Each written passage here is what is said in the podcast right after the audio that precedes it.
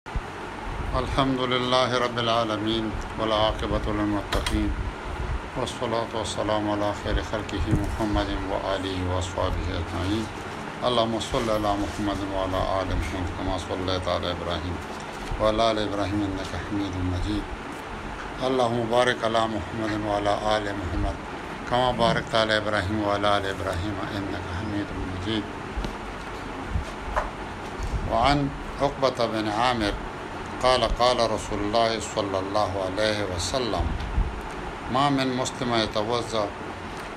فيحسن وضوء ثم يقوم فيصلي ركعتين مقبلا عليهما بقلبه ووجهه إلا وزجرته جنة عقبة بن عامر رضی الله تعالی عنہ روایت کوي وای چې رسول الله صلی الله علیه وسلم او فرمایل چې مسلمان بهترینې طریقې سره او دسو کی او بیا اودریږي دوه رکعاته منځو کی د زړه او د خلې د دواړو د مخ یعنی د زړه او د مخ دواړو توجه سره د خلې نو هغه لپاره جنت واجب شي دې حدیث کې د دوه سيزونو اهمیت کوي یو د او دس خود صحیح او دس په صحیح طریقه چې څه شي پکې اوچ پاتې نشي څه کمزوري پکې ني او دویم بیا دا وي ته دس نه پس تحیت الوضو یا تحیت المسجد مطلب وضو نه پس دغه دوی کې جمعات کې خلک تحیت المسجد هم کوي بعضی کسان تحیت الوجوم کوي نو دا غي اهمیت یادې خواږه کې دغه وی چې د ظاهر او باطن دواړه یعنی د زړه او د زبان باندې چې کوم مونږ کوي نو دې توجه سره کوي نو دې سره الله تعالی بیا د لپاره جنت واجب کی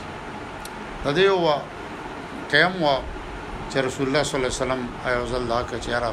بلال رضی الله عنه تاسو کو چې یاره ته څه عمل کې داسې چې دا هغه د خپل کشار رسول الله صلی الله علیه وسلم په جنت کې اورېدل مخکې نه ناغه وی چې رسول الله زه خو نور عام اعمال کوم نور صدا صدا غنښت او بیا ورته دوی چې ارزه کله او داسو کوم نو او داس نه پس دوه رکعاته تایت الوضو مونږ کوم همیشه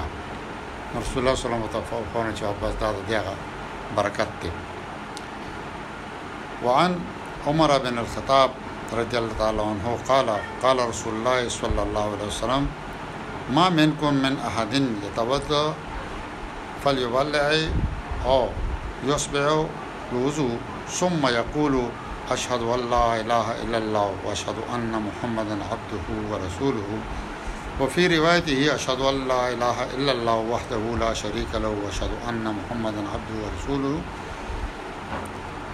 الا فتح الا فتحت له ابواب الجنه معنی ته يدخل من ايو شا د حدیث مبارکه کې د او دس کول نه پس د دعا ذکر دی چې حضرت عمر بن خطاب رضی الله عنه روایت کوي، وې فرمایل چې رسول الله صلی الله علیه وسلم فرمایلي دي چې تاسو کې یو کس اودس وکړي او خو خپل انتها ته ورسي یا رسول الله صلی الله علیه وسلم چې یاره پوره مکمل اودس وکړي او بیا دا وایي چې اشهد الله اله الا الله وان محمدن عبده ورسوله او یا دا ووایي چې اشهد ان لا اله الا الله وحده لا شریک له واشهد ان محمدا عبده ورسوله نو د دې نه پس رسول الله صلی الله علیه وسلم او فرمایل چې د د د پاره مطلب چې د د د پاره د اتوانو د جنت اتوان دروازې کولو شي او چې کمی زمانه دروازې نه خوخي نو هغه ته داخل شي مطلب د دې لپاره بس جنت ضروری شو نو دا موږ ته دا ذکر او خود لري شو چې را د اودس نه پس چې کله اودس پوره کړي صحیح اودس وکړي نو دا غي نه پس دا کلمات موږ لویل پکاري چې اشهد ان لا اله الا الله واشهد وان محمدا عبده ورسوله یا اشهد ان لا اله الا وحده لا شريك له واشهد ان محمدا عبده ورسوله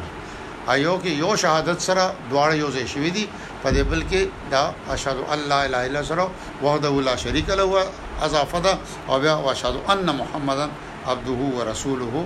نو دا کلمه موږ لا ویل پکار دي دا سنت دی رسول الله صلی الله علیه وسلم خولې ده او د دې په برکت سره الله تعالی دومره رضا شي چې جنت اته دروازې دي او ته وړه ورته کولو کې چې په کومه دې خوښي په هغه ورځه الله تعالی مولا په حدیث او په قران باندې په هي او د عمل کول توفیق راکړي صدق الله العظیم